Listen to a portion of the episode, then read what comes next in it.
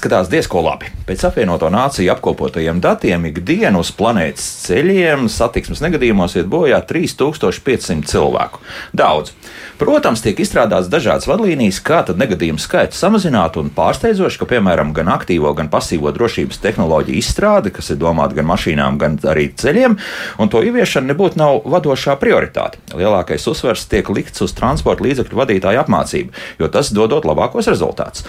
Piemēram, komerctransports ir iesaistīts mazāk nekā 3% negadījumu, un 3 ceturdaļu avāriju gadījumos būs vainīga pretējā puse, ne jau tas profesionālais šofers. Tas tiek pamatots ar to, ka komerctransports transporta vadītāji iziet lielāku un daudz vietu regulāru apmācību. Jā, un visdrošāk pa koplietošanas ceļiem ir pārvietoties ar autobusu, jo uz vienu miljonu nobrauktu autobusu kilometru pēc statistikas ir tikai 0,02 nāves gadījumu. Šodien gan par teju ierasta situācija, kas gan ceļu satiksmes drošību nu nekādi neuzlabo, un to mēs visi darīsim raidījumā, kā labāk dzīvot. Ernests Valds Fjodorovs pie studijas pulca, Loreta Bērziņa raidījuma producenta un es Elsijāns šeit studijā. Esiet sveicināti! Pa Latvijas koplietošanas ceļiem ikdienā pārvietojas ievērojams skaits automašīnu, kurām nav iziet tehniskā apskata un nav iegādāta obligātās cilvēciskās atbildības polise. Kāds teiks, nu tā mēs te dzīvojam gadu desmitus, un nekas, kaut kā ejam uz priekšu. Kur problēma? Kāpēc tas uh, šobrīd tiek aktualizēts? Par to šodien raidījumā. Mānī studijas viesi Latvijas transporta līdzekļu apdrošinātāju biroja pārstāvis Agris Daugšte. Sveicināti! Satiksmes drošības eksperts Oskars Irbītis. Sveiki! Un valsts policijas satiksmes drošības vadības biroja priekšnieks Arturs Smilgi. Sveicināti! Labrīt! Artur, varbūt ātri šobrīd ceļu policija reorganizēta. Kādas izmaiņas, ko tas nozīmē? Kas mainās? Jā, tātad valsts policija ir saskārusies ar šo darbinieku trūkumu, un šī rezultātā nācās pielāgoties esošajai situācijai. Un ar 1. septembri valsts policijai ir pabeigta šī reforma. Rezultāts ir tāds, ka policistu, vismaz tas sākotnējais mērķis bija tāds, ka padarīt policiju redzamāku, šos policistus redzēt vairāk ielās.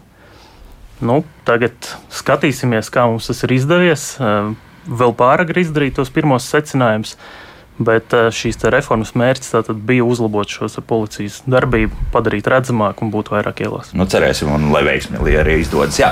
Bet tomēr, pirmkārt, es nezinu, vai to agresors varētu izstāstīt. Ir kaut kāda nojausma, cik apmēram šobrīd. Pa, Latvijas ceļiem tieši 9 un 8 minūtēs no rīta brauc mašīnas, kurām nav tehniska apskata, un arī, protams, autosta līdz ar visdrīzākais ies komplektā arī nav. Jā, jā. Protams, šie dati ir zināmi. Mēs pieļaujam, ka tas ir nu, līdz kādiem diviem procentiem no visiem ceļu satiksmes dalībniekiem.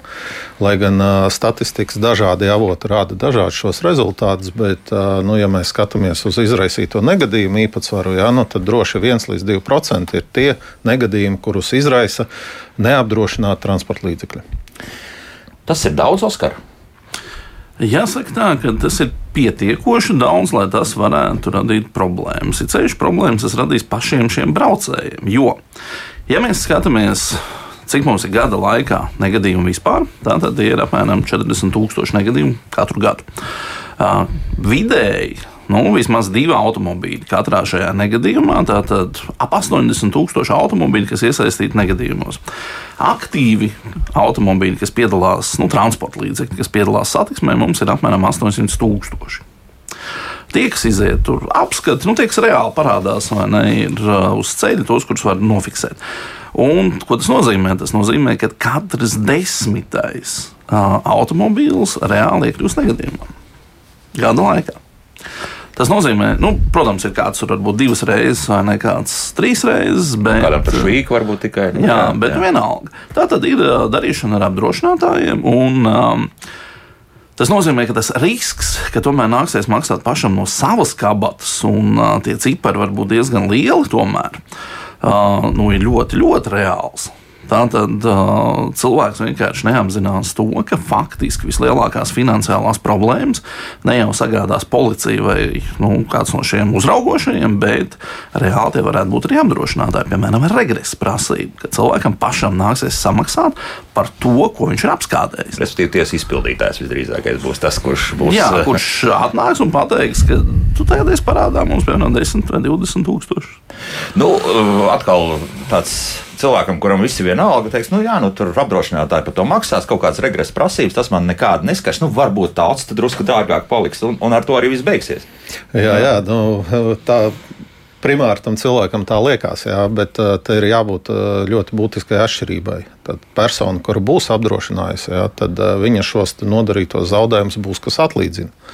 Persona, kura nebūs apdrošinājusies, šajā situācijā zaudējums atlīdzina garantijas fonds šeit cietušajai personai, un pēc tam ar regresu prasību vēršas pret šo īpašumu īpašnieki, ja, ka šos zaudējumus ir nodarījis. Un tajā situācijā jau nu, ir jāsaprot, ka tie visi zaudējumi tiks prasīti no viņa paša, un tur jau vairs variantu īpaši nebūs. Ja. Te gan ir jā, jāsaka, ka ir vēl viena tāda interesanta situācija. Ja. Mēs redzam uz statistikas datiem, kad negadījumos, kuros transporta līdzeklis ir bijis neapdrošināts, ļoti bieži ir nu, tāds džentlmeņa komplekts transporta līdzeklim nav arī tehniskā apskata. Jā, jā. Un vadītājs vēl līdz ārmā. Un uh, pieliekam jā. klāt, vadītāja apliecības arī ļoti iespējams, ka nav. Ja? Jā. Bez tiesībām. Jā, teiksim, pagājušajā jā. gadā no tiem negadījumiem, kas izraisītu bez otstas, 30% ir tie, kurus izraisa transporta līdzekļi, kuriem nav arī tehniskās apskats. Tas nozīmē, tā, ka mums pārvietojas mašīnas ar beigtiem sliekšņiem, Tātad, ar um, ļoti izrūsējušu apakšu. 1 līdz 2%, kas mums pārvietojas pa ceļiem, tas, nozīmē, pa ceļiem, tas nozīmē, ka nu, tās ir tādas nu, laika bumbas, kas brauc vai ne. Viņi jebkurā brīdī var nodarīt būtiskas zaudējumus. Tātad automobīls sliktā stāvoklī, vadītājs vēl sliktākā stāvoklī, uh, un plus viņam nav šī seguma. Tātad būtībā sabiedrības interesēs ir ļoti, ļoti izskaust šos braucējus. Jo tiešā veidā tas var ietekmēt jebkuru no pārējiem satiksmes dalībniekiem. Tad tas sagādāt būtībā, nu labi, garantijas fonds maksās, bet vienalga pietiekoši daudz nepatikšanas, pietiekoši daudz, teiksim, birokrātiskie visādas darbības, kamēr līdz tam nonākam, un nav šīs tiešās aizsardzības, ko mums sniedz, piemēram, šī obligātā cilvēciskā apdrošināšana. Bet arī nu, es esmu runājis ar vienu šādu cilvēku, un nu, man gluži Stokholmas sindroms iestājās. Nu, labi, tur nebija runa par alkohola lietošanu, ja, bet tur bija nu, tas pilnais komplekts. Autovadītāja apliecība, ja nemaldos, nebija. Jā.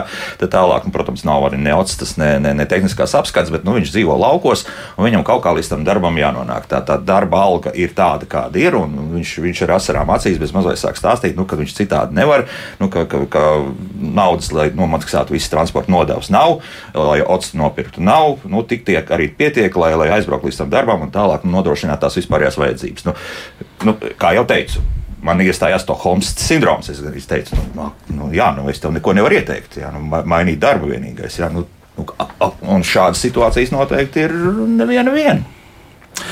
Nu, tādā gadījumā varbūt tomēr kāds kaimiņš brauc tādā virzienā, varbūt ir velosipēdi un varbūt ir visādi citas lietas. Jo gal galā nu, nav šādu apstākļu, ne, kas varētu attaisnot, kāpēc viens vai otrs varētu neievērot šos noteikumus. Jo, kā jau es teicu, tas ir pirmkārt tas ir sociāla aizsardzība visai sabiedrībai, šo noteikumu ievērošana. Un gal galā, ja tas transporta līdzeklis ir arī šajā kritiskajā stāvoklī un um, viņš nevar iziet tehnisko apskati un nu, viss ir slikti.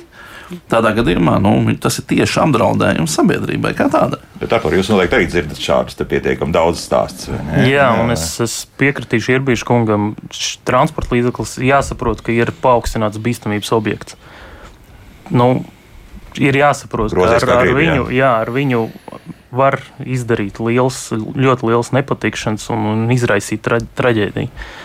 Tāpēc eh, kaut kādas izņēmumus īpašas šādos gadījumos nu, es, es tomēr negribētu pieļaut, jo tik līdz vienam kaut kāds atsevišķs izņēmums uzstājas, tad uzreiz vēl kāds uzrādīsies, kuram vēl kāds iemesls atradīsies, lai, lai attaisnotu savu braukšanu bez tehniskās apskates, eh, bez apdrošināšanas vai pat alkohola reibumā. Jo gal galā ir, šeit jau ir jāstāsta pilnīgi no cita virziena. Tā ir uh, sociāla problēma. Tātad ir jāgriež sociālos dienestos pēc pabalstiem, varbūt jārisina tas savādāk. Nevis jārisina uz šo riskanto faktoru, uz satiksmi. Tātad satiksme ir tomēr. Nu, tāds bīstams padarīšanas veids, ne, kur jebkura kļūda var novest pie traģiskām sekām. Tāpēc jārisina nevis ir satiksmē šī problēma, ļaujot braukt viņam, bet jārisina šī sociālā problēma. Tātad, lai šim cilvēkam nebūtu tādas problēmas, lai viņš varētu normāli strādāt, lai varētu nu, pietiekoši daudz nopelnīt, uh, nezinu, nodrošināt kaut kādu citu veidu transportu attiecīgajā vietā. Uh, tad jādomā ir pilnīgi citā virzienā šajā gadījumā. Bet tā jau ir liela un valstiska problēma, tāda kopēja sabiedrības problēma. Jā. Protams, jo satiksme nav nekas cits kā tikai visas kopējās sabiedrības noskaņas at, nu, atspoguļojums. Nu, kāds radioklausītājs mums raksta, es tā saprotu pēc tā komentāra, ka mm, tā octa esot pat dārga. Es tā pieļauju, vismaz tas, kas te ir sarakstīts. Jā. Nu, vai tiešām mums ir tik dārga octa? Kā to skatās? Jo es nu pat taisu eksperimentu, vai ne? Es paskatījos, ne, cik ir kādas ir cenas, piemēram, identiskiem automobīļiem. Identiskā vietā ir ar pirmo, piemēram, bonus malas klasi un 17. Yeah. Tātad vienā gadījumā tie ir pār pa 2000, un otrā gadījumā tie ir 35 eiro.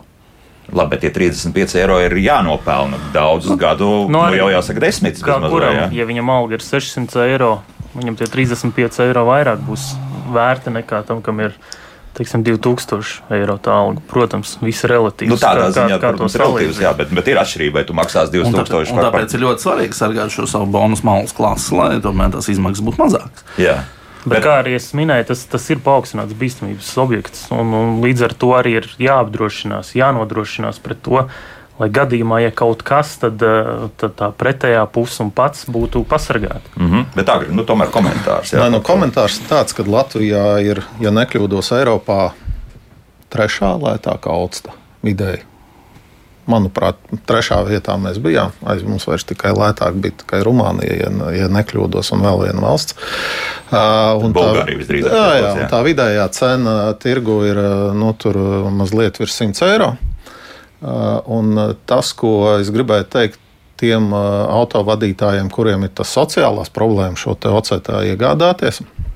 Šobrīd ļoti aktīvi apdrošinātāji piedāvā iespēju veikt norēķinu reizi mēnesī.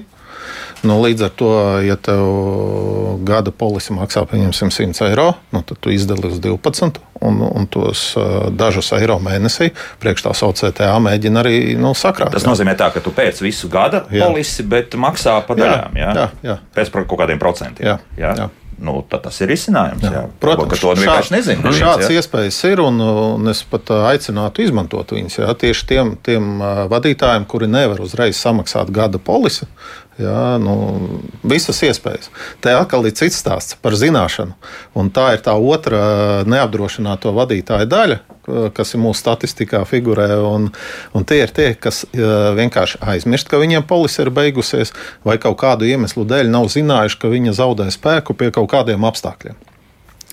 Un tad mēs oktobra sākumā nu, ka oktobra sākumā viņš jau ir šobrīd. Jā, mēs jā. veicām aptauju autovadītājs uh, vidū, un, un tāds paradoxāls situācija ir, kad uh, 25% no vadītājiem nav nekur pieteikušies, ne uz kādiem atgādinājumiem. Viņiem neinteresē, kad beidzas octa, viņam neinteresē, kad beidzas tehniskā apskate. Un, uh, un, uh, lai cik dīvaini, bet sievietes ir vēl nu, nevīžīgākas, teiksim, šajā ziņā. Jā. Viņas par savu mašīnu neatbild. Jā, līdzākais, jā. jā ļoti, ļoti iespējams, ka tas ir tas iemesls. Jā. Un, un, un, un līdz ar to ir tā, ka tām sieviešu statistika ir vēl sliktāka šajā sliktāk, ziņā. Jā. Bet, eh, nu, jā, un, Rīki ir, viņi ir pieejami. Var izmantot Eltabotsta lietotni, var izmantot ECSDD eh, e lietotni. Nu, var pie sava apdrošinātāja pieteikt. Nu, iespēju ir ļoti daudz. Jā, es tikai uzreiz iebildīšu, ka tas drusku kaitina pat, jo es esmu tas, kas ir pieteicies. Un, un tad nu, man tas sāk bombardēt, kad nu, nāk tas, tas brīdis, kad tāds ir jāpārslēdz un, bet, bet tas ir labi. Jo, apskati jāiet. Jā. Jo es varu teikt pēc savas pieredzes, man ir vairāk transporta līdzekļi, ir, un es noteikti pēdējo teiksim, reizi, kad uh, man bija jāmaina teiksim, vadītāja apliecība, es noteikti to būtu aizmirsis. Es nu, neskatos viņā katru dienu, vai nu neatceros, kurā datumā viņa jāmaina. Un pieteikšanās CSDD pakalpojumiem tā ir superīga lieta. Atnāks, pirmkārt, par visiem sodiem būs uzreiz informācija par to, ka jāiet pie doktora, jāiet apdrošināties, jāiet tehniskā apskate. Viss laicīgi tiks atgādināts, un mēs nenonāksim tādā nu, nepatīkamā situācijā, ka pēkšņi es esmu vizinājies nedēļu bez apdrošināšanas. Un uh, attiecīgās mērierītes vai ne salasīšu man sodu, vai ne iespējams pat 10 tūkstoši jau būs. Tātad, ja ir šis atgādinājums, tad nu, es vienkārši izvairīšos no soda pirmkārt. Un tas katra pabraukšana garām attiecīgam radaram vai ne, man iekasēs attiecīgi sodu. Tāpēc es esmu ļoti interesēts, lai man to atgādina un vienkārši nenokļūšos nepatikšanās. No, es esmu viens, arī viens no tiem cilvēkiem, kurš ir salicis savu telefonu atgādinājumu, ECSDD atgādinājumu, apdrošinātājiem man sūta atgādinājumu. Un nodrošinājies esmu pie pirmās izziņas, ko es saņemu par to, ka tuvojās tas laiks, tad es uzreiz arī cenšos tādā pašā brīdī arī viņu apmaksāt. Mm -hmm. Jo cenas, tie sodi, kas ir par, par augstu neesamību, nu, ir, ir ļoti liela. Katra, katra pabraukšana garām attiecīgai mērierīcei vai ne, nu, palielina sodu apmēru. Nu, tas ir par labticīgiem uh, mūsu iedzīvotājiem, bet tomēr atgriežamies pie tās problēmas. Un, proti, es arī ar savu palielīšos vismaz 16. balnu smalas klasi, teikšu tā, kāpēc man tā austa vispār vajadzīga? Es esmu nobraucis 20 vairāk gadus bez kaut kādiem negadījumiem. Nu, tad es tā, tā varu arī dzīvot bez šīs ostas. Nu. Es teikšu, tā, ka tāda tu esi iekļuvusi riskantajā kategorijā, jo uh, absolūti pieredze liecina to, ka, ja, piemēram, analizējam arī brīvprātīgo apdrošināšanu, piemēram, Kasko, tad izmaksas ir apmēram reizes piecos gados. Mm -hmm. Tātad reizes piecos gados cilvēks iekļūst nu, kaut kādās nepatikšanās. Un, diemžēl ir tā, ka ja mēs skatāmies šo vidējo negadījumu biežumu, tad, tad tas ir apmēram desmit gadi. Kur nu, cilvēks reizes desmit gados iekļūst kaut kādās nepatikšanās.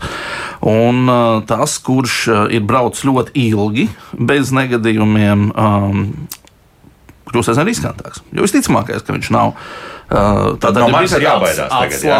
Ar katru dienu es palieku arī bīstamāk. Ja? Teiksim, uz tevi droši vien tas neatiecas, jo tev pietiekuši daudz arī viesi ir bijuši, kas šo visu ir atgādinājuši nemitīgi. Jā, jā, jā. Līdz ar to tavu kvalifikāciju, kā sakot, nekrītās. Bet jā. tas cilvēks, kurš nesaskarās ar šo informāciju, regulāri neatjauno savu zināšanas, viņš kļūst aizvien riskantāks un riskantāks. Viņš vienkārši, nu, kā saka, atslābst. Bet ir kaut kā tāda statistika, ka tiešām no tām augstajām klasēm, nu, kuri brauc uz leju kaut kādu iemeslu dēļ, nu, neizbēgam tiešām nu, tā, pēc tā statistikas notiek tā, ka kāds iekuļas nepatikšanās. Jā, jā, protams, ir tā, var piekrist tam, ko, ko minēja Oskars, jā, par to, ka.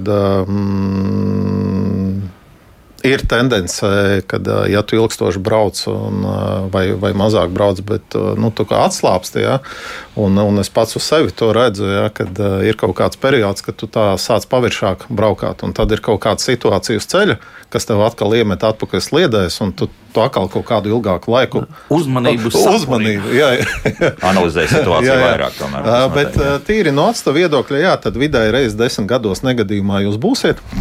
Un tad jautājums ir tikai, kurā pusē. Jā. Jā, nu. jā, un, un tajā brīdī, kamēr, tad, kad jūs būsiet jau atbildīgā autovadītāja pusē, jā, nu, tad, tad ir tā tolerance, pie kuras cilvēks uzskata, ir tas negadījums vai tas nav negadījums. Jā. Svaigs gad, vakardienas e-pasts iebira birojā par bonus malus tēmu, un, un tur vadītājs saka, īpašnieks, jā, kad es neesmu iekļuvis nekad negadījumos. Nu, man ir bijuši vairāk saskaņotie paziņojumi. Un tad tu tā domā, nu, a, kur ir tā, tā līnija, tā tolerances līnija, pie kuras viņš uzskata, tas ir negadījums un tas nav negadījums. Ja? Un daudziem liekas, ka atdur, atdurstieņa skrāpējums vai vēl kaut kas, nu, tas nav nekas. Varētu zināmā mērā piekrist, personas nav cietušas, transporta līdzeklis var turpināt kustību. Bet no izmaksu ziņā šī atdurstieņa pareiza nokrāsošana noņemšana, sagatavošana krāsošanai, krāsošana, uzmontēšana atpakaļ, administratīvais darbs, vēl kaut kas. Jā, nu, tas izmaksas jau vairs nav nekādi 30 eiro. Jā, tur būs arī tūkstotī vai jā, vairāk. Lī, jā. Līdz ar to ir tā, ka nu, tā, uzskatīt, ka tev jau nav negadījumu un ir acis pāri švīkas, jā, nu, no apdrošinātāja skatu punkta Tā viss tā nav. Jā. Jebkura švīka tas ir apdrošināšanas gadījums, kurš diezgan bieži mēdz būt diezgan dārgs. Jā, ar to jā. Un es, jā, es gribēju paturpināt to, to tēmu. Pašam jau šķiet, tu esi ļoti labs braucējs, un es nekad neesmu iekļuvis negadījumā. Un priekš kam man tas ir vajadzīgs? Bet vienmēr jāpatur atmiņā tas, ka tu esi labākais. Un es visticamāk arī piekritīšu, ka tu esi vislabākais braucējs. Jā, nu, Bet apkārt mums ir tādi, kas nav tik labi braucēji. Un, un šī apdrošināšana savā veidā pasargā arī no, no šiem braucējiem. Jo kaut kad, tad, kad ieviesa octu, tad, tad vienu brīdi bija tas uzplaiksnījums, ka pēkšņi viss saprata, ka tagad var drusku vieglāk braukt. Un tad bija tie ceļu satiksmes negadījumu skaits tajā 96. vai 97. gadā pieauga. Nu, nedaudz, bet nu, tur bija arī visādi citi faktori, nu, protams, kas to ietekmēja. Bet eh, jāsaka uzreiz, ka uh, viena no tādām vadošajām satiksmes drošības koncepcijām, kas jāsaka no ne tikai Eiropā, arī citur pasaulē, ir saucamā nulles vīzija. Tā tad vīzija par to, ka ap 50. gadu mums nevajadzētu uz ceļa būt bojā gājušajiem. Um, galvenā doma tajā visā ir cilvēki mēdz kļūdīties. Nu, Galu galā mums ir latīniskie teicieni par to, ir, ne, ka cilvēki mēdz kļūdīties, un kļūdīties ir cilvēcīgi. Uh, tas ir viena no šīm pamatdomām, kad mums ir vienkārši jārada šī vide, lai cilvēkam būtu iespējas mazāk kļūdīties.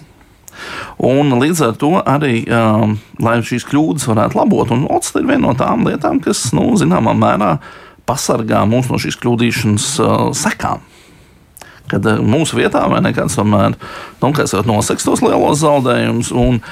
Uh, cilvēkam vienmēr vajag atcerēties, ja es esmu perfekts braucējs, citi tādi nav. Būs vienmēr kāds, kas kļūdīsies, kāds, kas kaut ko nebūs pamanījis. Un pat uh, tad, ja es visu būšu ievērojis, viss būs ideāli, kāds cits var izraisīt šo negadījumu. Uh, un gal galā arī šo pieļaujot šo it kā šo toleranci, kad es it kā kaut ko, nu, tā kā, nu, es jau nepārkāpu. Bet tad, Oskar, tad nu, jau tā. ir tā, nu, lai tas otrs beig, domā par to. Beig, beigās ir alga, kur sanāk tā, ka es būšu nedaudz, varbūt, ātrumu pārsniedzis vai kā, un būšu dalīta atbildība. Arī par to nevajag aizmirst. Ka līdz ar to, um, nu, jāsaka, šiem precīzāk, Elta pārstāvs mums pateiks, cik ir šie dalītās atbildības gadījumi kur tomēr kāds procents arī ir tam, nu, tam godīgajam braucējam. Jā, kas tur ir? Kā abi vainīgi, jā, vai nu, trīs tā, vainīgi, vai kāds jā, cits. Situācijas tādas ir, viņu nav maz. No gals noteikti nepateikšu to precīzo procentālā izteiksmē, jā, bet ļoti bieži negadījumam nav tikai viens atbildīgais. Jo, nu, ja tā sāk pētīt to negadījumu rašanās iemeslus, ļoti bieži izrādās, ka tomēr arī tam otram vadītājam nu, bija iespēja rīkoties pareizāk, bija iespēja kaut ko neizdarīt, bija iespēja no kaut kā izvairīties un tā tālāk. Ja. Un, man liekas, īpaši jāuzsver ir vadītājiem, nu, nu, kā lai saka, tā, tā pārliecība, ka ja es braucu, ievērojot visu ceļu satiksmes noteikumus, tad, lai apkārt lūst vai plīst, Es vienkārši braucu, ja es uzskatu, ka es braucu pa galveno ceļu, es neno, nebremzēšu, tad jau uz ceļa radīsies kāda šķērslis ja, vai kaut kāda bīstamība. Tāpēc, ka es braucu pa galveno ceļu. Ja, un, un tā, jā, jā, man ir priekšroka. Nu kā, nu kas tagad būs, kad no kaut kāda nesvarīga ceļa kāds man nu priekšā no, tur izbrauks? Ja? Nu, viņš taču ir tas sliktais. Ja? Bet pēc būtības ir tā, ka šādās situācijās mēs aicinām arī tos autovadītājus Nu, ja ir kāds, kas šādu situāciju bīstamu jums uz ceļa rada, nu, nevajag par katru vari mēģināt to sadursmi izraisīt, pat uzskatot, ka jums ir taisnība. No, nu, Satiksmes noteikuma punkts vadītājiem saskaroties ar bīstamību, ko viņš var pamanīt, ir jāaptur automobīls, jā, tātad jābremzē un daudz to aizmirst. Tātad, kā jau teicu, cilvēki mēdz kļūdīties. Un nu, bet, līdz ar to, ja kāds ir kļūdījies, mūsu pienākums ir izvairīties no negadījuma bremzēt. Nu, bet es esmu likuma paklausīgs, es braucu pa savu galveno ceļu. Un... Likums arī nosaka, ka ir uz muļķiem arī jārēģē un uz tiem, uz kuriem kļūdījušies, un ir jābremzē. Nu, bet tad tas viss beidzas ar labu advokātu tiesā, jā, no, no, no kā citādi. Nu, nē, ir, nē, tur ir apmēram jau ir skaidrs, ka arī šādās situācijās cilvēki tomēr arī apzinās to, ka nu, viņš tik varēja tās bremzes nospiest. Un šeit tagad es stāstu, ko tu iesākšu raidījumu par to, ka jo jaunāks automobīls, jo vairāk viņš to darīs mūsu vietā. Tas gan. būs gan šīs aktīvās bremzēšanas sistēmas, gan um, aktīvā kruīza kontrole, kas bieži palīdzēs izvairīties no līdzīgiem negadījumiem. Bet, nu, principā, tā tad nu, mēs neesam soļi uz ceļa. Mums ir jārēģē, jāizvairās un jāmēģina. Nu, Es, piemēram, ne, nu, negribētu to visu iet cauri, vai ne, kad man bija priekšroka, bet man vienalga jāiet pie apdrošinātājiem, jāgaida policija, jāformē saskaņoties, jādzer mašīnu uz servisu. Bet ar domu, ka man te bija priekšroka. Kaut gan uh, pirms nu, jau krietniem gadiem uh, televīzijā bija kāds sižets, kur bija aprakstīta situācija Rīgā, kur visdrīzākais pēc viss spriežot, šis autovadītājs tiešām izvēlējās speciāli radīt šo situāciju, kur viņam bija galvenais ceļš. Tikai tāpēc, vien, ka viņam bija pietiekami veca mašīna un acīm redzot, bija sarēķinājis, ka tajā brīdī, kad uztaisīs šo tā, tā jau ir apdrošināšanas krāpšana. nu, iespējams, jā. Ne, kaut gan tas vainīgais atzina arī savu vainu, ka viņš ir nu, jā, jā. Tātad inscenēts negadījums ir apdrošināšanas krāpšana. Es domāju, ka tas nebija inscenēts, tas bija ātri galvā izreikināts, ka mēs nu, arī inscenācija. Bet ar to vēl šajā pusstundā. Mm, cik daudz policijas šobrīd spēj izķert un ar visu tehniskie līdzekļi, kā tie darbojas tagad, tie, kas brauc gan bez ostas, gan bez tehniskās apskates? Jā, ja mēs par skaitļiem runājam, tad uh, te uzreiz būtu jāizšķir. Ir divi veidi tad, tad, uh, fiksēšanas gadījumi. Tas ir viens, tad, kad policists uz ceļa noķer cilvēks. Un uh, otra lieta ir tad, kad ir ar tehniskajiem līdzekļiem, respektīvi fotoradariem. Uh, ja mēs runājam par skaitļiem, tad pagājušajā gadā, nu, līdzīgā laika posmā, tad, tad pa deviņiem mēnešiem, uh, tātad tika noķerti tātad uz ceļa. Uh, par octām tātad 5812. Daudz. Daudz.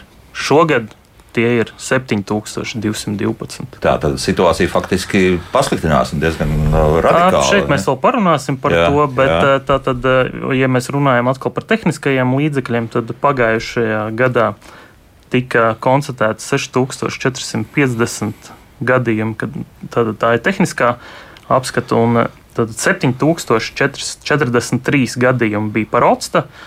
Un šogad, 9 mēnešos, tie ir 5981. Ah, procentuāli no visiem pārkāpumiem, ko tehniskie līdzekļi fiksējuši. Tātad šis procents ir palielinājies, fiksējot otstas vai tehniskās nēsamību. Bet šeit atkal būtu nu, jāņem vērā tas, ka mums ir kļuvuši vairāk, vairāk. tehniskie -hmm. līdzekļi. Un tad mēs varam vairāk viņus arī izķert. Runājot par šo skaitli, kas, ko es minēju, par to, ko policisti ir fiksējuši uz uz ceļa un varētu šķist, ka viss ir sliktāk kļūs. Uh, nu, tā gluži nav. Pagājušajā gadā policija atjaunināja savu autoparku uh, un uzstādīja sistēmas, kuras mēs līdz šim Latvijā nebijām izmantojuši tādā ikdienas darbā. Respektīvi, tās policijas mašīnas, kurējās nu, dodas patruļās, tika aprīkotas arī ar automātiskām numurzīm lasītājiem. Tādā veidā ja pirms tam policistam tur katru reizi vajadzēja vadīt iekšā datu bāzē, lai pārbaudītu, uzreiz, vai, vai ir vai nav šis te, tā otsta vai tehniskā apskata. Tagad tur uzreiz izlaists ekrānā brīdinājums par to, ka attiecīgiem transporta līdzeklim šīs otstas vai tehniskās apskates nav. Tā, un tad jūs stādināt vai, vai tā mašīna tālāk arī aizbrauc un vienkārši atnāk pēc tam sots mašīnas īpašniekam? Uh, tur jāskatās no situācijas, kāda ir, es zinu konkrēts gadījums, kad uh, neaptur uzreiz un vēlāk vienkārši uzaicina uz policiju, lūdzu, atnāciet. Jā. Bet tajos gadījumos bija tā, ka prioritārs bija cits izsaukums, bija jādodas uz, uz, uz negadījumu vai, vai nu, uz izsaukumu, un vienkārši nebija pamatoti apturēt šo bez otstas braucošu transporta līdzekli.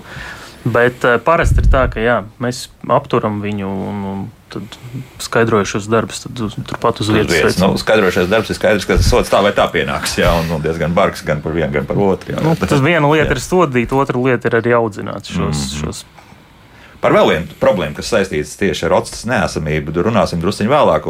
Tas ir viens gadījums, kur mums, diemžēl, nācās saskarties Latvijas radio, bet par to drusku vēlāk. Šobrīd laiks mūzikai un būsim atpakaļ pēc divām pusminūtēm.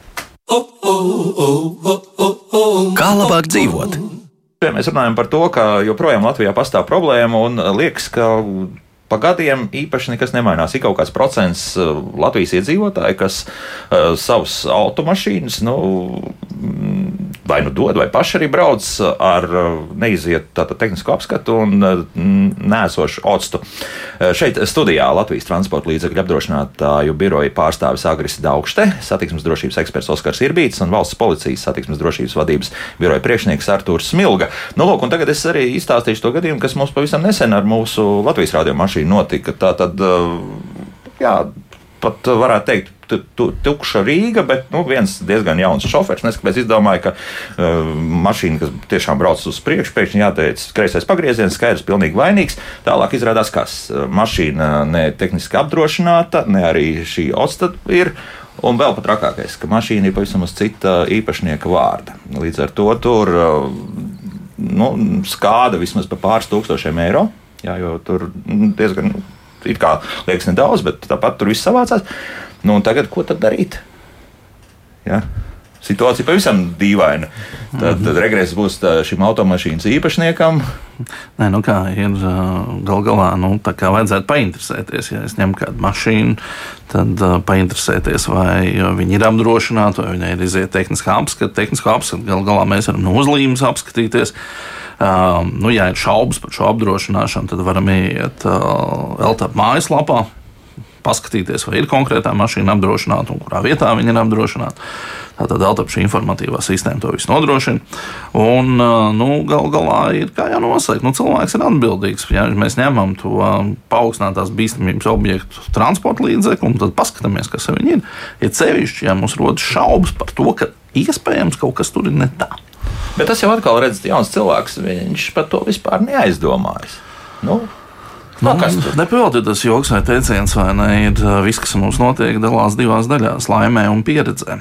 Un pārsvarā, diemžēl, nu, domāju, ka laime izrādās pieredze. Mm -hmm. nu, tā viela pārdomām auto īpašniekiem, jā? Protams. Kam tu to dod un kur tavu mašīnu atrodas? Presē, no kā tu ņem un kā tu pēc tam brauc.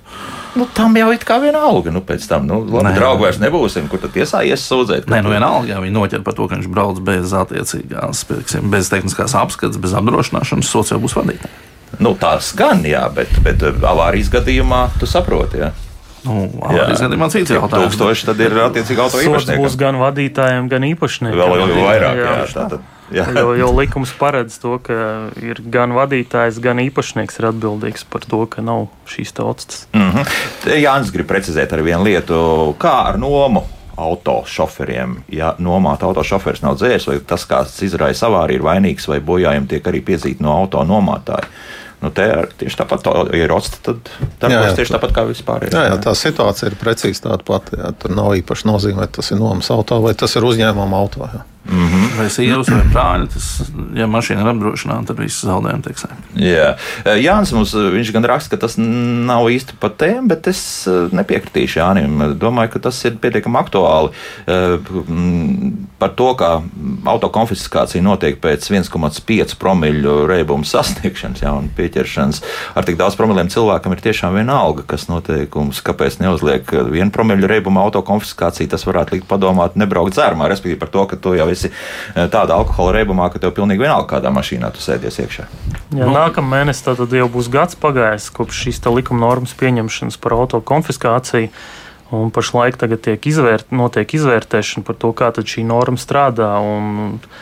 Man šeit vairs arī nav nekāds noslēpums par to, ka arī notiek debats jau pašlaik par to pārskatīt šīs normas un, un šos sodus dzērāju šoferiem pat palielināt palielināt, bet tas uh, stāsta par to, nu, tā, jā, ka to latiņu laist uz leju. Jā, nu, tā ir. Jā, nu, es tolerants robežu. Šos lēmumus nepieņēmu, jā. jā, bet uh, tad, tad arī domāju, ka šis jautājums tiks izskatīts.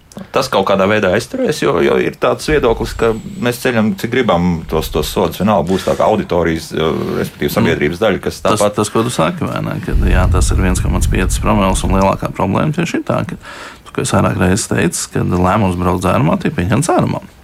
Un, Šeit mums ir būtībā jāvēršas pie šīs skandināvu pieredzes, kur tomēr runāja par to, ka nu, arī sabiedrība šī izpratne un attieksme ir jāmaina. Galvenokārt jātiek vaļā no tā vienu jau drīkst. Es pilnībā piekrītu, un es vienmēr esmu teicis to, ka mums sabiedrībā ir iestājies tāds ties, tiesiskais nihilisms attiecībā uz mazajiem pārkāpumiem drīkst braukt mazliet ātrāk, plus 10 km/h. Par to tāpat naudas sots nav, tas ir tikai brīdinājums. Ja es pārbraukšu pie, kā viņš saka, gaiša zaļā. Ne, tad, tad arī ir nu, tik, tikko pārslēdzās, nu, ko jūs man piesienaties. Vai, vai nepārtrauktā līnija. Nu, viņi pēc simts metriem tāpat beigsies, nu, es ātrāk bišu. Un arī par alkoholu tieši tas pats ir. Viņiem uzskats, ka līdz 0,5 promilēm drīkst. Viņš saka, nu, tad vienu glāzīti var, Pēc tam, tas, kad viņš viena glāzīte ir iedzēris, tad viņš jau uzskata, labi, es iedzeršu vēl vienu, tad, kad es sākšu braukt, jau viss būs izgājis. Un tad viņš domā, ah, labi, braucu, iedzeršu vēl vienu, policija man apstādinās, es teikšu, braucam uz, uz medicīnas iestādi veikt ekspertīzi. Līdz tam laikam man jau būs izgājis. Un tas, ka viņš jau ir trešo iedzērs, viņam jau ir pilnīgi jā. Tad ir kāda tā mašīna, un kur tu tā kā es piekritīšu, jā, šis šeit ir jāmaina attieksme, un tad tīri tā uztvere šo vadītāju pusē par to, ka nu, nedrīkst vispār. Nu, tāda pat nulles tolerance, es domāju, ka vēl diskusijas būs gan par ātrumu, gan, gan protams, arī par alkohola lietošanu pie stūres un iespējams arī citām apreibinošām vielām. Bet eh, tagad, nu, kas te mums mājaslapā ir sasūtīts? Redz, ir arī viedoklis, ka OCTA faktiski šī maksa ir pa mazu. Un te atkal nu, to saka autoservis, negluži īpašnieks, bet katrā gadījumā strādājošs vismaz, jo uh, apdrošinātāji nevēlas maksāt autoservisiem par remontiem tik, cik būtu jāmaksā. Grib vairāk. Nu, es no domāju, tā. ka tas noteikti nav iemesls uh, octa cenai, jā, kad uh, viņai būtu jābūt vēl augstākai. Jā, jo nekur jau nav teiks, ka, ja polis būtu divreiz dārgāka vidējā, tad uh, servisi saņemtu divreiz lielākas atlīdzības. Jā. Uh, tad drīzāk ir jāskatās attiecībās starp autoservisu konkrēto un konkrēto apdrošinātāju. Jā. Jo no tā vispār, vispārināti teikt, ka visi apdrošinātāji kaut ko servisiem nemaksā, nu, tam es noteikti nepiekrītu. Jā. Tur ir kaut kādas individuālas situācijas, ir, kāpēc ir kāda tāme korģēta. Jā. Un es domāju, tur nu, arī. Nevarētu teikt, ka servisi visi šajā situācijā arī ir pilnīgi bez vainas. Jā. Jo diezgan bieži ir situācijas, ko redz apdrošinātāji, kad klients atbraucot uz servisu, atrāda savu transporta līdzekli un servis. Labu gribēdams, neko sliktu, protams, jā, tikai par klientu. Jā. Mēģinot pie tāmas piepušķot klāt kādu švīku, kas ir dabūta pilnīgi citā negadījumā, vēl kaut ko, jā, un, un tā tāma tā neviļus kļūst lielāka. Jā. Mm -hmm. Tad šajā brīdī ieslēdz apdrošinātāja eksperts, kurš pārbauda, vai tie bojājumi, ko tagad servis plāno atlīdzināt, cik viņi ir pamatoti. Ja. Nu, nu tā, nu, un, un tā ir mūžīgā diskusija starp servisiem un, uh, un apdrošinātājiem par to, vai tiešām viss plānotais ir uh, tas, kas ir jāizdara. Jā. Arī tas, jā. Arī no, tas. Jāsaka, jā. piemēram, es savulaik desmit gadus esmu strādājis tieši apdrošināšanas sabiedrības drošības dienestā. Un, jāsaka, ka šie gadījumi ir nu, tādi, varbūt viņi mazāk gājuši, bet savulaik tas bija ļoti izplatīti. Kā, nu, Rekur, man te notika negadījums, vai, ne, tur, vai piemēram, man ieskrēja aizmugurē, vai ne, un līdz ar to man motoram arī šāvis sadila, uh, salons pieķēpājās un uh, priekšējā riepa nolaida. Nu, tam visam noteikti var pamatojumu atrast, vai ne? Jā, kāpēc tas tā ir noticis? Kāpēc motors pēkšņi negriež tā kā iegriež? Šādas situācijas, ne, ka mēģina pierakstīt šos bojājumus, ne, daudz, un jāsaka jau tā arī, ka Nu, nav tā kā baigi dzirdēts, ne, kad uh, kāds no servisiem teikt, nē, es īstenībā ar apdrošinātājiem nestrādāšu, tas nav izdevīgi. Pārsvarā viņi gan tieši cenšas strādāt ar apdrošinātājiem, jo tomēr tas ir īsti. Tad tomēr šīs izmaksas ir pietiekami lielas, lai, lai šo remontu varētu veikt kvalitatīvi. Tā, nu te atkal tas mūžīgais jautājums. Ja mēs esam sākuši par ostu runāt, un Gustavs par to raksta, lūk, ja tev tomēr tajā vēsturē tam autovadītājam ir uh, šobrīd kaut kāda aktīva uh, pārkāpuma punkti, vai ir atnākuši arī kaut kādi citi lielāki vai mazāki sodi, ka to visu vajadzētu ņemt vērā arī otstas lieluma ziņā. Nu, teorētiski mēs zinām, ka mēs apdrošinām mašīnu, nevis eh, pašu braucēju, kā tas, piemēram, ir Lielbritānijā, bet, nu, vienalga, nu, tu īpašnieks tam mašīnai esi, nu, tā kā persona tu vienalga būsi, nu, tad varbūt, to var kaut kā vilkt kopā. Jā, atbildot uz Gustavu jautājumu, var pateikt, ka uh, jau šobrīd apdrošinātāji ņem vērā arī šī transporta līdzekļa īpašnieka vai leasinga gadījumā turētāja gan soda punktus, gan pārkāpumus, gan apdrošināšanas vēsturi. Ja ir informācija par nobrauktajiem kilometriem, tad tiek ņemt vērā arī to. Tā, tā informācija un uz OCTA cenu tas noteikti atstāja iespaidu. Tā jautājums par, par kilometriem interesanti. Jābrauc maz vai jābrauc daudz? nu, tas ir tāds labs jautājums. Principā, pie tā strādā apdrošinātāja riska izvērtēšana. Bet nu, tā principā ir jābrauc, lai nezūd iemaņas. Jā. Tas ir jādara.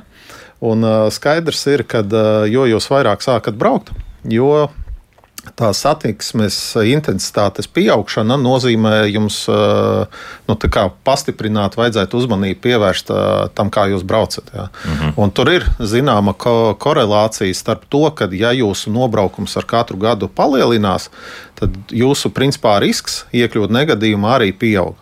Aha, tad labāk tad, apdrošināt un nebraukt. Ja? Uh, labāk apdrošināt, tas būtu ideālais variants. jā, jā, bet uh, principā ir tā, ka ja jūs gadu no gada braucat savus, nezinu, 35,000 km gadā, uh, tad tas risks, uh, principā jums gadu no gada viņš ir tāds. Nu, nosacīti izlīdzināts. Jā, izlīdzināts, jā nu, līdz, līdz 35 tūkstošiem kilometru varam braukt droši. Bet savukārt tādiem vadītājiem, kas izbrauc gadā ļoti maz, tur 100, 200 km, nezinu, vai tur tūkstoti. Jā. Jā.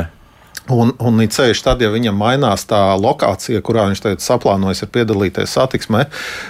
Nevis brauc tur no savas privātmājas lauku reģionā uz tuvāko veikalu pēc baltmaizes, bet viņam tagad ir jābrauc uz gada tirgu uz kaut kādu lielāku pilsētu. Ja? Nu, tad, nu, tad tas, tas posms ir ļoti riskants priekš šī auto vadītāja, tāpēc braucot uz gada tirgu, tie, kuri ir principā nepērk octu. Ja? Es teiktu, nopērciet to octu. Nu, tur nav varianta, tāpēc ka tas negadījums jums visticamāk notiks. Uz tiem 50 km jūs daudz neiekonomēsiet. Ja? Mhm. Un gal galā mums bonus malu sistēma strādā apjomā. Un, jā, tā tad uh, tur īpaši tiek izvērtēta vēsture. Un, redz, un te atkal viens tāds aburtais lokus veidojas. Proti, nu, tu it kā negribi pirkt, jā, tu nepērc, un tad, kad tu tomēr izdomā, ka jāpērk, tad tā bonus malas klase ļoti zēma. Nu, un...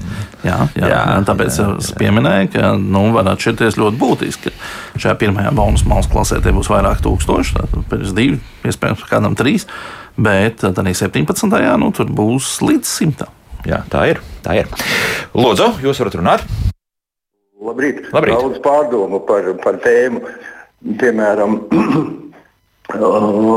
kā jūs viesi pareizi teici, ka jau uz ceļa ir viens trakais, Tas jau nekad, tas nekas īpaši nenotiks. Viņš jau pats apgauzīsies. Bet, ja ir divi trakie, nu, tad tur obligāti kaut kas. Jo tas saprātīgais vienmēr pagriezīs malā vai pat nobrauks no ceļa, lai tas trakais aizbrauc. Tas tā. Un, un, tālāk. Daudzi grib būt, bet ne katrs spējīgs kļūt par vadu, ne katrs spējīgs būt kosmonauts, ne katrs spējīgs būt komponists vai lidotājs. Kas izvērtē tā cilvēka? Piemēram, viņš visu mūžu nostrādājis un kaut ko sakasījis naudu, 70 gados nopērk automobīlu, ka viņam tās dotības vairs nav. Un visbeidzamais jautājums par, no manis. Ja? Uh, Kāpēc netiek apdrošinātāji nav tiešsaistē ar, ar CSDD, kur ir visa katra vadītāja vēsture? Jo, piemēram, nu jā, par to mēs gadījumā, pat runājam. Jā, paldies. Pagaidiet, pagaidiet, pagaidiet. Nē, nē, no, no, no, no. Redziet, es esmu profesionāls vadītājs, es esmu nostrādājis līdz pensijai 50 gadus brauc dažādās firmās, pelnījis bonusus. Bet tagad, ja es nopērku mūža beigās savu mašīnu, man aiziet no pirmā no bonus valsts. Jā, šo, šo problēmu mēs arī nu pat izskatījām. Jā, faktiski nu, tā tas, diemžēl, ir. Jā, nu, tev... Tā situācija tāda ir, bet nu, te es uzreiz droši vien atbildēšu tā pavisam precīzi, lai ir tā skaidrība. Sasaiste apdrošinātājiem ar CSDD ir tiešsaistē, viss tur notiek, datu mm -hmm. apmaiņa ir. Bet, uh, Nekur jau netiek uzskaitīts, cik konkrētais vadītājs un ar kuru no transporta līdzekļiem, cik tos kilometrus ir nobraucis. Jā, tas, kad uh, jūs esat braukuši ar uzņēmumu transporta līdzekli, nekur valsts reģistros netiek atzīmēts, ka jūs ar uzņēmumu transporta līdzekli konkrēti to gadā nobraucāt 50,000 uh, km no, vai 100. Ja? Mēs varam izmantot. Uh, nu, ir tā, ka nu, mums ir lieliem automašīnām. Nu, tas, kāpēc izkrīt no galvas? Tahogrāfija. Nē, nu kā ir, mums jau ir tā, ka mēs drošinām uz augstu, mēs drošinām automobīlu, nevis vadītāju. Un tāpēc šajā gadījumā ir šī piesaiste ar automobīlim, nevis vadītāju. Jā, tā tad ir šis Anglijas variants, kur ir piesaista vadītājiem, bet mūsu gadījumā ir piesaista automobīļiem. Un tas ir ļoti dārgs prieks uzreiz. Uh, kad ir piesaistīts vadītājiem, pārsvarā jā. Jā, tas ir krietni dārgāk uzreiz sanāk. Jā. Jā. Nu, nu, varbūt, ka var paralēli kaut kā tā veidot. Nu, Nu, tas jau ir politikas veidošanas jautājums, vai ne? Jo, ja Jūs šī sistēma strādā, tad būs- būtu gatavi, pieņemsim, ja būtu paralēli, nu kāds vēlas tiešām apdrošināt faktiski sevi, nevis mašīnu. Mēs būtu gatavi ņemt pretī autovadītāju nobraukto kilometru datus. To, ko jūs minējāt, Jā, takogrāfu gadu. Ja šie dati ir kaut kur centralizēti un viņi ir pieejami struktūrētā veidā, tad apdrošinātāji būtu tikai par un pat apdrošinot transporta līdzekli. ā, Ja mēs redzētu, ka šis īpašnieks transporta līdzekļa īstenībā ir ļoti labs braucējs, viņš ir nobraucis savas dzīves laikā, tur nezinu, Miljonus. 3 miljonus kilometru un nav bijuši negadījumi, tad pat pie esošās sistēmas, ka tiek apdrošināta īpašnieka atbildība, mēs ņemtu vērā šo vadītāju mm -hmm. pieredzi. Nu, vienmēr sakot, te ir viela pārdomām. Jā, jo īsi piebilde vadītāja stāsts, diemžēl, nav tas rādītājs, kurš ā, nu, ir ā, nu, vienādi pārbaudams ā, dažādām personām. Jā. Tas gan, jā, Stāsts man var būt 50 gadu, un es pie stūres neesmu sēdējis nedienu, man Tieši varbūt tā. stāsts. Neviena bija- pārkāpuma, viss ir Jā, jā. ideāli, vai ne? Un arī nav pārkāpuma. Jā, Jā, jā brīnums, jā, ļoti jā, labs jā. vadītājs. Ideāls, jā. Un otrs ir tāds, kas brauc 50 gadus, un viņam arī nav pārkāpuma. Jā, Nu, te, iespējams, ar laiku mākslīgais intelekts palīdzēs to visu atrisināt. Nu, teiksim, lai apkopotu šos milzīgos datus pēc būtības. jā. Nu, kā ir viens no tehniskiem teiksim, līdzekļiem, lai uzlabotu satiksmes drošību kā tādu, un tā skaitā vairāk teiksim, kontrolētu vadītāju šos ieradumus. No auto būvētāju aprindās tiek apskatīts šis variants, ka cilvēks, piemēram, sēžoties automobilī, sevi identificē. Vai no ar uh, šo vadītāju apliecību, vai kā.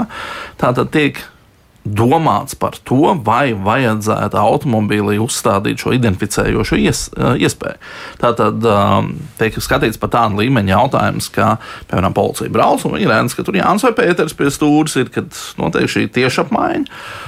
Bet tas ir patreiz autobūvētāju un satiksmes drošība, drošības speciālistu tādā nu, pētījuma stadijā. Nevis izstrādes, bet pētījumi. vēl Nu, pagaidām. patreiz vēl pētām, vai ne skatāmies, vai ne ir gan Toyota, gan Ford ir iesaistīti šajos jautājumos. Vēl vesela virkne ražotāju, kas nu, tā kā domā, vai gadījumā nevajadzētu arī kaut kādā veidā tieši veikt šo piesaisti pie nobrauktajiem kilometriem, pie konkrētā brīža. Nu, Mhm. Nu, te arī Ulrichs mums raksta piemēram, par to, ka jā, ar viņu mašīnu pieņemsim, ir bijis satiksmes negadījums, un līdz ar to viņam bonus malas klases pats pie stūres nav bijis nokrit uz leju. Nu, nu, tāda tā situācija ir. Nu, Domā, ziniet, kam kam, jā, kam, kam dodat uh, savu transporta līdzekli, kas ir paaugstināts bīstamības joprojām. Um, Tātad priekšmets. Uh, vēl Jānis mums raksta par to, ka, lūk, principā gandrīz vienādas mašīnas. Tas ir tā, tāda mazās mašīna, vieglā mašīna ar kravas kasti, kur, kur ir ielikts tā vēl viena rinda, un kur nav ielikta rinda, un ka ļoti atšķiras šīs faktiski uzreiz OCTA, jā, un, un viens ir komerces transports, otrs, otrs laikam, kā skaitās, ka nav, un ka tur tāda ne- nevienlīdzība kaut kādā zināmā mērā ir. Kraus automobīls, nu kā teiksim, kraus automobīls var būt reģistrēts jebkurš automobīls praktiski. Tā tad atšķirība ir, vai ņemties ēdekļi ir vai nav. Arī Porsche Cayenne var būt kraus automobīls. Un, uh, jā, starp citu, jā. jā. Un Aija vēl jautā, to palīdzēsim. Ja mašīnai ir OCTA, nav tehniskā apskata, vai ar to vajadzētu pietikt, lai cietajā sakabē pārvilkt mašīnu? Tātad konkrētajā gadījumā ir, kā mums nosaka, ir Man uh, liekas, ka cietajā sakabē varēja. Cietajā Jā, drīkst, jo jā, ciet nav jā, jā. vadītājs. nepieciešams. Jā, vadītājs nepiedalās. Tā vienkārši un tā ir evakuācija būtībā automobīļu. Bet autostopu vajag šiem velkošajiem. Tikai tajā, gadījumā, tikai tajā gadījumā, ja pēkšņi šis transporta līdzeklis attāķēsies no tās cietās sakabes. Tad gan var Jā. būt problēmas. Jā. Bet, principā, nu, šajā situācijā es īstu pamatojumu tam neredzu. Viņš nu, kā kravu principā. Viņš šajā Jā. gadījumā. Nu, dzirdējāt, visu tālāk secinājumu jāizdara visiem tiem, uh, kas kaut kāda iemesla dēļ šo OCTA nav iegādājušies šobrīd, bet es domāju, ka tas variants, ka uz nomaksu tomēr var paņemt, un, un tas neizmaina kopējās polises lielums, teiksim, naudas daudzumu, kas jāmaksā par to, ir jāņem vērā, un iespējams, ka tiešām tie pāris, nu, nezinu, 11 eiro mēnesī tomēr nu, būs pietiekami labs risinājums, lai pēc tam pasargātu no ļoti lielām nepatikšanām iespējams. Jā. Cilvēki ir aizmirsuši 90. kā bija tad, kad tas nebija. Nu, tad bija arī bandīti, jā, kas risināja jautājumus. Latvijas transporta līdzekļu apdrošinātāja biroja pārstāvis Agris Daugšte, satiksmes drošības eksperts Oskars Irbīts un valsts policijas satiksmes drošības vadības biroja priekšnieks Arturs Smilts bija kopā ar mums. Paldies, kungi, par sarunu. Nu, Līdz pirmdienai jauka nedēļas nogalē, braucam prātīgi, lapas tomēr krīt arī uz ceļiem. Tas nozīmē, ka slīd arī vairāk, lietas arī līst, līdz ar to esam prātīgi, ievērojam distanci un, protams, arī ātruma ierobežojums. Visu labu, uz sadzirdēšanos! Tā.